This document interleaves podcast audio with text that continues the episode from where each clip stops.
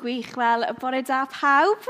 Um, mae fe'n braf cael bod gyda chi bore yma um, ac i rannu gyda chi hefyd. Um, so, um, y gair lockdown, y gair dyn ni gyd, wel, cyn 2020, y gair roedd ni wedi clywed am o'r blaen, ac y gair ni'n gobeithio bod ni ddim gorfod clywed y gair beth eto, ond dwi ddim yn gwybod os bydd hynny'n wir. Um, ond dros lockdown, roedd lot o pethau i ni gyd um, oedd wedi cadw ni'n sein. Efallai i chi, taw, pobi, um, gyda bazali poblog, poblogaidd bara banana oedd e, efallai.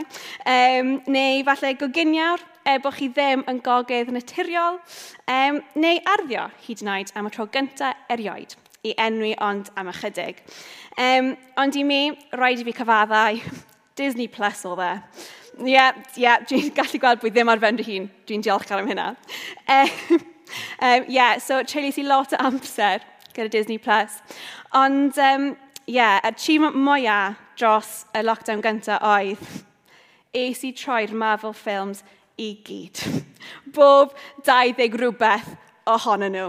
Um, a yeah, no regret, no regret. Um, dwi wrth fy modd gyda ffilmau action um, a pethau fel yna. A dwi'n siŵr, dwi ddim ar ben fy hun, a dwi'n siŵr bod chi hefyd yn hoffi ffilmau action. Mae yna rhywbeth sydd yn eich tynnu chi fewn i'r stori does. Rhyw blot lle mae yna dîm drwg yn bwgwth dynistro pethau fel dyn ni'n ei adnabod. Um, a pethau ddim yn edrych yn dda o gwbl. Ond wedyn, dyn ni'n cael tamaid o obaith oherwydd mae yna dynion da sy'n cael ei anfon gyda cynhedaeth a ran rhai awdur, awdurdod uwch i droi'r sefyllfa dywell ben ei weired. Maen nhw'n mynd a'r sefyllfa ddim yn edrych yn dda a mae'n edrych yn anobeithiol a'r gynhadaeth yn edrych yn amhosib. Ond, maen nhw'n ffindio ffordd i gondemio'r dyn ddrwg, ac yn y diwedd mae'r dynion da ar y dirdod uwch yn dod mas wedi ei ennill, wedi rhoi popeth nôl mewn i lle ac wedi llwyddo yn y cynhadaeth. Efallai bydd roestrau hyd y ffordd, ond fel arfer, yr un fath o storyline yw e. A am be bynnag reswm, dyn ni'n dylu o'r storiau fel hyn. Um, a dyna pam, yn ôl research fi, mae'r ffilm James Bond diwetha wedi gwneud 605 miliwn byd eang, sydd i fi yn edrych fel eitha lot. Ond heddiw, dyn ni ddim yn troi at James Bond, ni Mission Impossible, byddwch chi'n falch o glywed. Ond dyn ni am droi at gynhadaeth yr awdurdod uchaf, Dyw. A dyn ni am ofyn y cwestiwn gyda'n gilydd, cynhadaeth Dyw, mission impossible? Mae'r gair cynhadaeth yn gallu gwneud ni feddwl am sawl beth gwahanol. Efallai mae'ch meddyliau chi yn mynd at ffilmau action, fel dyn ni newydd sôn. Efallai at bobl yn mynd i wledydd trydydd byd, um, fel Africa neu'r India. Efallai at bobl benodol, fel Robert Jimmy Thomas o Gymru, neu William Carey a sefydloedd BMS, sydd yn gynhadon enwog. Os ydych chi'n gwneud Google search um, ar gyfer y gair cynhedaeth, byddwch chi'n ffindio spectrwm mawr o pethau gwahanol. Os dyn ni'n edrych ar yr ystrau cyffredinol o gynhadaeth, mae'n golygu hyn. Soedd swyddogol boesig a rhoddir i berson neu grŵp o bobl ei gwneud, yn enwedig pan gant ei anfon i wlad arall. So mae hwn yn gallu meddwl o rhywbeth fel roedd hi'n rhyr hoer i'r lantio cynhadaeth achub, neu hyd yn oed I was on a mission i ddod o hyd i'r gacen berffaith uwchal gyda paned o'r ôl capel. Ond dwi'n siŵr bod yr ystyr sy'n fwy o cyfaroedd gyda llawer ohonom ni yma ydy'r ystyr beiblaidd. A pan dyn ni'n feddwl am gynhadaeth gyda ben lens beiblaidd, dyn ni fel arfer yn troi at y gynhadaeth, a, y Comisiwn Mawr. Gyda'r geiriau enwog um, ar diwedd Matthew 28 sy'n dweud hyn. Dyma'r 11 disgybl yn mynd i Galilea, i'r mynydd lle roedd Iesu wedi dweud wrthyn nhw am fynd. Pan welon nhw Iesu, dyma nhw'n ei addoli, ond roedd gan rai hameion. Wedyn dyma Iesu yn mynd at nhw ac yn dweud, Dwi wedi cael awdurdod lloer i reoli popeth yn y nefoedd ac ar y ddeiar. Felly, ewch i wneud pobl o bob gwlad yn ddisgyblion i mi, a'i bydyddio nhw fel aroedd a'i bod nhw wedi dod i perthynas a'r tad, a'r mab, a'r ysbryd glan, a dysgwch nhw i wneud popeth dwi wedi ddweud wrthych chi. Gallwch chi fod yn siŵr y byddai gyda chi bob amser nes bydd y diwedd y byd wedi dod. Mae'r awdur Christopher J. H. Wright yn awgrymu felly bod cynhadaeth yn goleuni hyn ydy Our committed participation as God's people at God's invitation and command in God's own mission with the history of God's world for the redemption of God's creation. Mae'n glir iawn yn y diffiniad yna. Nid yw'r cynhadaeth cynhadaeth ni, ond cynhadaeth Dyw. Ni yw'r llestri yn cynhadaeth Dyw. Yn ôl at y Comisiwn Mawd, ni'n gweld Dyw yn anfon y disgyblion allan i symud a theithio allan yn llythrenol er mwyn lledeini'r newyddion da fel bod pobl yn gallu dod i'w adnabod. Ac ers hynny mae Dyw wedi bod yn galw ac anfon bobl i bob cornel o'r byd i wneud disgyblion a dysgu iddyn nhw amdano fe. Yn ôl y ran ewch o'r comisiwn. A mae Cresalen wedi cael y fraint dros y blynyddoedd o allu cefnogi pobl o fan hyn yn mynd allan i lefydd gwahanol ar, ar waith cynhadaeth. A hefyd wedi profi'r flipside o gael y fraint o derbyn pobl o ar draws y byd i Carsalem um, sydd wedi ymateb i alwad Dyw um, i fynd allan yn llythrenol. A dyn ni fel gwlad yn Cymru wedi profi un peth o anfon ac yn derbyn pobl wedi ei alw gan ddew. A dyn ni wir wedi profi'r bendithion sydd yn dod gyda hynna. Ond dyw hyn ddim yn golygu bod cynhadaeth Dyw dim ond ar gyfer y rai dywisoed. Dyn ni gyd gyda rhan i chwarae ynddo fe. Felly, i rai ohonom ni, mae fy meddwl yn lle ewch arhoswch. Arhoswch lle ydyn ni, yn y cymunedau o'n gwmpas, yn y lle gwaith dyn ni ynddo fe, gyda'n teulu a ffrindiau dyn ni'n gweld day in and day out. Chi sy'n gweithio yn y gwasanaeth iechyd, athrawon, gweithwyr ma'n werthu a lletygarwch, chi sy'n magu plant neu gofalu am deulu sal, chi sydd wedi ymddeol, chi sydd yn y coleg neu yn yr ysgol, dyn ni gyd wedi cael ein galw a lleoli yn llefydd penodol gan ddew, yn fwriadol ganddo fe, ac mae'n bwysig i ni gweld hyn fel rhan o cynhadaeth Dyw yn cynhadaeth ni. Does dim amheuaeth am hyn. Roedd Christian um, oedd yn dyn busnes llwyddiannus iawn yn berchen a fusnes mawr – Daeth yw ymddeoliad, a gyda'r holl amser oedd ar ei ddeilo naw, penderfynodd gwasanaethu trwy waith cynhadol. Pan glywodd ei weinidog am hyn, um, roedd yn gyffroes iawn ac yn siarad ar dyn cyn y gwasanaeth dydd syl, dywedodd wrtho fe, byddwn ni'n dylu cael ti i ddod um, gyda fi di syl i rhannu am y gwaith ti am wneud, a wedyn, wedyn dyn ni gallu cael amser i weddio dros y ti ar gwaith ti am wneud. Atebodd y, byn y dyn busnes wedi ymddeol. Pam nawr ydych chi eisiau gweddio dros da i? Pam nawr ydych chi eisiau gweddio dros fy ngwran i yng Nghenhadaeth Dyw? Bloeddech chi'n gweddio pan o'n i'n gweithio ac yn gynhadu yn fy ngwaith i'r bobl oedd yn gwmpas i ar y pryd? Dim jyst ar ôl i fi ymddeol ydw i'n dechrau ar gwaith cynhadol. A mae yna llawer o wirionedd yn y stori yna does. Dyna ni gyd yn cael rôl yn gwaith a cynhadaeth Dyw Ie, yeah. bydd yn edrych yn wahanol i bob, bob bobl eraill. Dyn ni ddim um, yn cael ein cymharu, dyn ni ddim yn gallu cymharu'n hunan gyda eraill. Yn edrych o gwmpas ystafell heddi, um, mae pob un ohono ni gyda rôl wahanol i chwarae. Um, a mae hwnna'n iawn, oherwydd mae Dyw wedi rhoi ni yn llefydd penodol, lle mae fe eisiau i ni fod ar gyfer ei gynhadaeth. Ond beth yw gynhadaeth Dyw?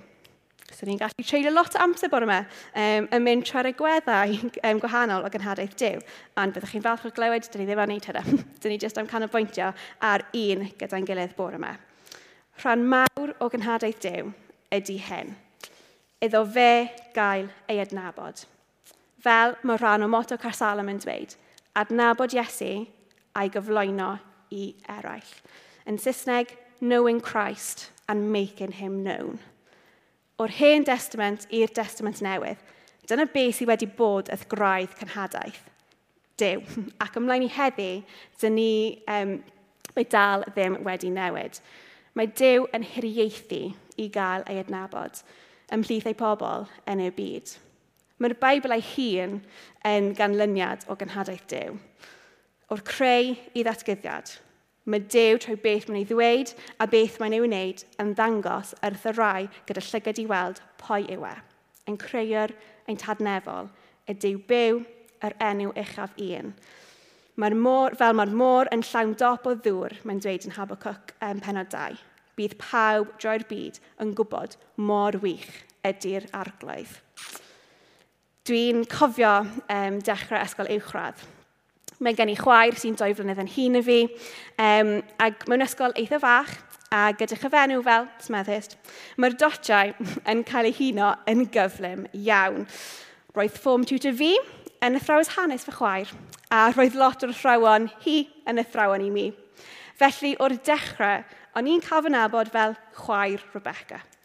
A dwi'n cofio bod yn rili really annoyed am, annoyed am y peth. Um, oherwydd, wedyn oedd rhag dybiaethau, disgwyliadau arna i, um, oherwydd o'r pobl yn meddwl amdano i drwy beth oedd nhw'n gwybod am fy chwaer. Um, Um, ac o'n i jyst eisiau pawb yn nabod i, fel fi, fel Hannah. Um, ond i ddweud i gweud oedd hym ddim wedi cymryd hir. Um, ond hefyd, dwi'n merch gweinidog. A dwi ddim yn dweud unrhyw beth yn erbyn hynna o gwbl. Um, ond, um, yeah, ble bynnag dwi'n mynd o fewn Cymru, a weithiau allan o Gymru, um, bob tro dwi'n cyflwyno fy hun fel hanes meddist, ti'n cael yr ateb ar unwaith, o, oh, ti'n merch Paul. Um, ac yr un peth gyda'r ysgol, dwi jyst eisiau pobl na bod fi am pwy ydw i, dim i boi dwi'n perthyn. Um, dwi'n person fy hun wedi fy ngren yn unigol ac yn unigryw. A dwi'n siŵr bod chi gyd yn gallu uniaethu gyda fi a bod chi'n gallu gydag enghreifftiau tebyg o hyn yn digwydd i chi. Ond dyna dew, eisiau hiriaethu cael ei adnabod am boi yw e. Dim poema Richard Dawkins neu poema media a chymdeithas heddi yn ei bordreadu i fod neu dweud yw e, ond beth mae natur a chymeriad Dyw yn ei ddweud ac yn dangos. O'r dechrau cyntaf, dyn ni'n gweld Dyw yn creu'r byd, allan o'r, allan o'r eisiau i gael ei adnabod a'r cariad, creuodd pobl ar lun a delw ei hun i fod mewn perthynas gyda fe, i'w adnabod fel yr unig ddew ymlaen i'r Exodus, a dyn ni'n gweld dew pwerus yn ymladd dros ei bobl, dros gyfiawnder, yn dangos bod e di'r un sy'n ternasu. Dim diwiau y brynhinoedd y byd. Bod e ddim jyst yn ymladd dros yr ochr o'r grif, ond ar ochr y gwan hefyd. Ymlaen i stori Joseph, sy'n dangos er gweithaf y sefyllfa roedd Joseph ynddo, ynddo fe. Roedd Dew yn sofran a'i gynlluniau fe oedd yn fyw, yn fwy. Neidio'r ymlaen i'r testament newydd, a dyn ni'n gweld y trobaint. Dyw yn dod yn gnawd ymhlith y pobl troi fab Iesu Grist, yn dangos cymaint mae'n ein caru. I'r pwynt anfonodd ei unig fab i farw ar groes dros bob un ohonom ni, fel bod ni'n gallu dod i'w adnabod. Heb gwylydd, heb ei ogroedd, heb echod, oherwydd creodd ffordd i ni fod yn iawn gyda fe. Dyna cymaint mae Dyw eisiau cael ei adnabod. Y peth arbennig am ddew yn gwneud ei hun yn hysbyd, hysbys ydy'r ffaith bod Dyw yn, def, um, yn dewis defnyddio ni fel ei offerynnau. Just fel wnaeth y defnyddio Moses yn yr Exodus i fod yn llyfarydd a rhan Dyw, a Joseph trwy sefyllfa anodd iawn i ddod â ddoethineb am y ddeiant. Mae Dyw eisiau ni bod rhan o'i gynhadaeth. Chi ydy fy nystion i, medda'r arglwydd, a'r gwas dwi wedi ei ddewis i wybod ac yn gadarnhau eich, eich bod chi'n deall mai fi ydy e. Doedd dim Dyw o'n blaen ni a fydd yna ddim un ar fy ôl i. Dydy Dyw ddim yn angen ni, ond mae fy'n dewis ni ni fel ei dystion i'r byd o gwmpas heddiw, gyda'r fraint o bwyntio pobl sydd o'n gwmpas at y Dyw byw. Felly, dyn ni wedi cyrraedd at ein cwestiwn. Cynhadaeth Dyw, mission impossible? Ie, yeah. mae fy'n anodd. Mae'n methu. Mae'n gallu brifo. Dyn ni am wynebu gar sefyll, cael ein gyrthod gan rhai, a mae'n mynd i fod yn anghyfforddus. Ac felly, Mae fe'n gallu edrych yn amhosib. Ond, jyst fel y tamaid o obaith sydd yn dod yn canol y ffilmau action, dyn ni'n clywed yn lyg un, does dim byd sy'n amhosib i ddew a'i wneud. Jyst edrych ar y pobl Israel yn y raifft o dan deunesiad pharo, Joseph lawr y prydew. Ac yr hyn sy'n troi ar ambosib mewn i'r bosib, mae Dyw ddim yn ein gadael ni ar ben ein hunan. Cofiwch beth mae'n dweud yn y Comisiwn Mawr. Gallwch chi fod yn siŵr y byddai i gyda chi bob amser nes bydd diwedd y byd wedi dod. Mae gennym ni dew o'r byd, y dew sydd yn teirnasu gyda, gyda ni, drosto ni. Dim jyst weithiau, ond bob amser. Troi ysbryd glan Dyn ni'n gallu cael ein llenwi gan ddew, gyda nerth, gyda doethineb, gyda gwefr i wneud y gwaith yma. Mae wedi'n hynffogi ni yn lloer. Ond mae yna mwy. dyn ni wedi ein galw i fod rhan o gymuned gyda'n gilydd, lle dyn ni'n gallu annog ein gilydd, rhannu beichau gyda'n gilydd, codi calon ei gilydd, i gymryd rhan yn gynhadaeth Dyw gyda'n gilydd. Dyna beth yw'r eglwys. Mae'r diwynyddydd ac awdur David Bosch yn dweud hyn. The whole of life for those who would follow Jesus is a participation of God's mission. Mission makes the church. Dewch ni glywed hynny dynwaith eto. The whole of life for those who would follow Jesus is a participation of God's mission. Mission makes the church. Felly mae'r offer i gyd yna i ni ei ddefnyddio. Os dyn ni am dderbyn a bod yn ifedd iddo. Un goelio haf um, eithon ni fel teulu i'r swister, um, lle prydferth dros ben a wel werth rymweliad. Um, eithon ni yn canol yr haf ac oedd bob man yn edrych fel rhywbeth syth mas o ffilm Disney. Just yn aros i Julie Andrews, just pop o mas yn dechrau canu. Oedd e'n lyflu. Doedd o'n ddim wedi digwydd yn anffodus. Um, ond mae sister yn cael ei nabod.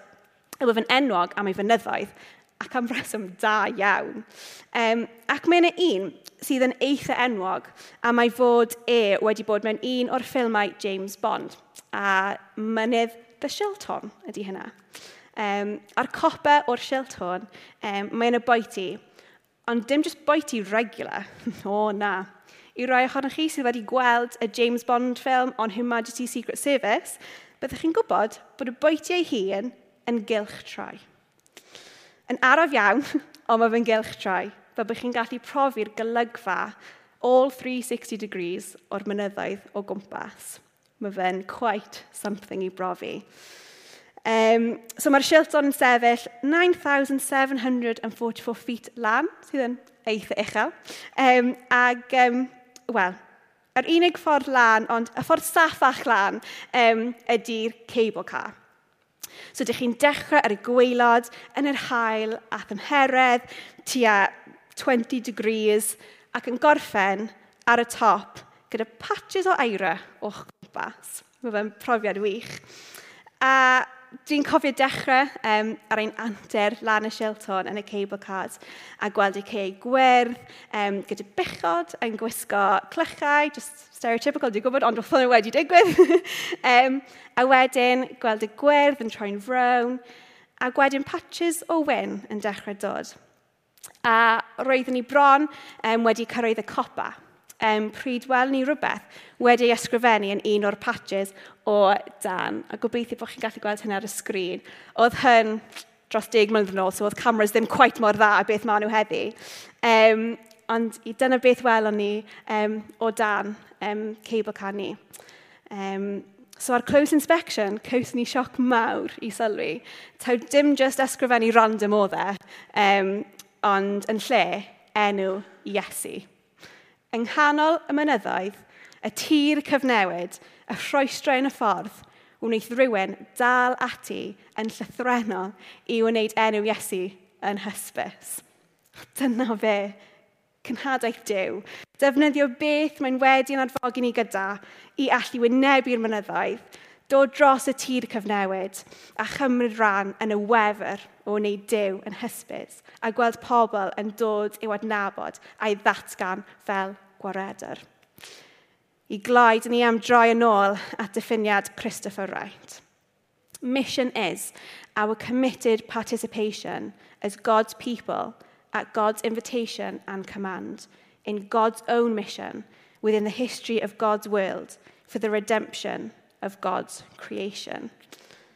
Efallai mae rhai ohonych chi sydd yn rand o bore yma a chi ddim yn nabod y, boi, um, y dew, y boi dyn ni wedi sôn am bore yma, let alone bod rhan o'i gynhadaeth. Y newyddion da ydy'r ffaith bod yn aros i ddatgelu ei hun i chi bore yma. Mae'n aros i wneud ei hun yn hysbys i chi, i chi gael dod i'w adnabod a phrofi i rai ohonom ni sydd yn nabod Dyw wedi dod mewn perthynas ac wedi profi pwy yw e, efallai o adeg lle oeddech chi wir gyda gwefr o gynhadaeth Dyw ac yn wir yn chwarae eich rhan, ond yn erbyn hyn, dych chi'n profi blinder neu gwynebu rhoestrau. Dewch i ni cofio bod Dyw gyda ni bob amser a ddim byd sydd yn bosib trwy ddo fe efallai bod rai ohonych chi ar ddechrau'r taith yma, a'ch wedi llenwi gyda'r ysbryd a'ch yn barod i fynd amdani. Mae Dew yn gallu gweithio anom ni lle bynnag dyn ni'n sefyll. Os dyn ni'n ei dderbyn, fel bod y cwestiwn cynhadaeth Dew, mission impossible, yn troi mewn i ddatganiad. Cynhadaeth Dew, mission very much possible. So, dyn ni jyst am treulio bach o amser um, mewn ymateb i be dyn ni wedi clywed bod yma. Um, Dwi'n bod fi'n ei o gweithiau o dod i capel, clywed um, pregaeth i wych a cael, cael fy herio. Ond wedyn, yr foment dwi'n gadael y capel, mae fe'n ma fe gadael gyda fi. So dwi jyst eisiau ni cael bach o amser bod yma. Um, jyst i myfyrio ar beth mae Dyw wedi bod yn siarad ni amdano fe, beth ni wedi clywed, um, a sut ni am ymateb i hynna. So, diolch yn y band um, i ddod i fyny. Um, jyst i chwarae'n dawl yn cefndir. Um, a dwi'n gofyn i chi os ydych chi eisiau sefyll, chi'n gallu sefyll neu eisteddwch be bynnag um, ydych chi eisiau. Um, achos dwi jyst eisiau ni dod o flan dew mewn i'w bresenoldeb, efallai um, yn edifeirol, am yr amseroedd lle dyn ni ddim wedi bod yn chwarae'n rannu. Um, yn ddisgwyl i ddiw datgeliau hun i ni am y tro gyntaf, um, neu unwaith eto, jyst yth cyflwyn ein hunan iddo. Um, jyst i agor ein colonnau iddo. Um, a defnyddio'r geiriau. Arglwydd, dyma ni. Arglwydd, dyma fi i ti. Felly, um, os ydych chi eisiau sefyll lle, eisteddwch lle i chi, a newn ni jyst cael amser bach o weddi.